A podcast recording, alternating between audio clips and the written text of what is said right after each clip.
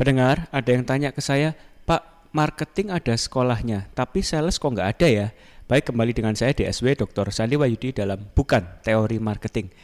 Nah, untuk menjawab pertanyaan ini, saya akan bagi menjadi empat part terpisah, empat bagian, sebab penjelasannya cukup panjang. Kenapa marketing S1, S2, bahkan S3 pemasaran itu ada sekolahnya?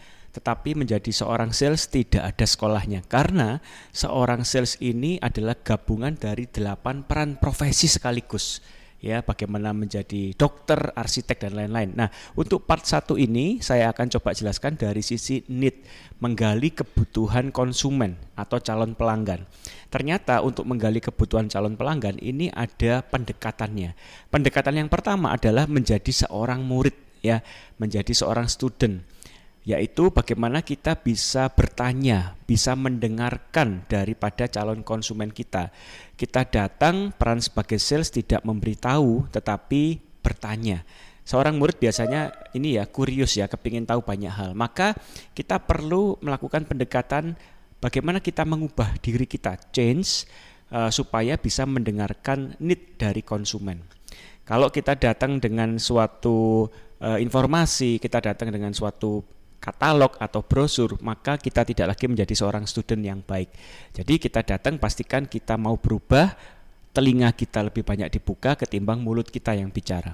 Nah, yang kedua untuk menggali kebutuhan konsumen, kita harus bisa berperan sebagai dokter ya. Sebagai seorang dokter berarti kita mampu menganalisa kebutuhan konsumen. Jadi bisa menggali masalah yang dihadapi oleh konsumen tersebut.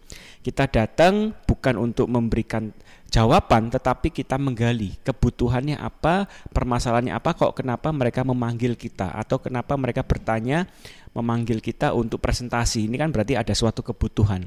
Terkadang kebutuhan yang mereka sampaikan di awal setelah kita gali, rupanya kebutuhan itu tidak relevan lagi, malah kita yang memberi arahan, kita yang memberikan resep ya.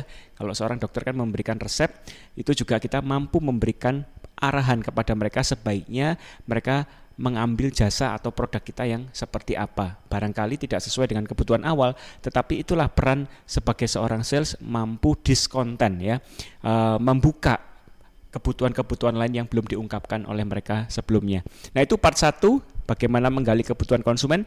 Kita akan lanjutkan di part 2. Mengapa marketing ada sekolahnya, menjadi sales gak ada.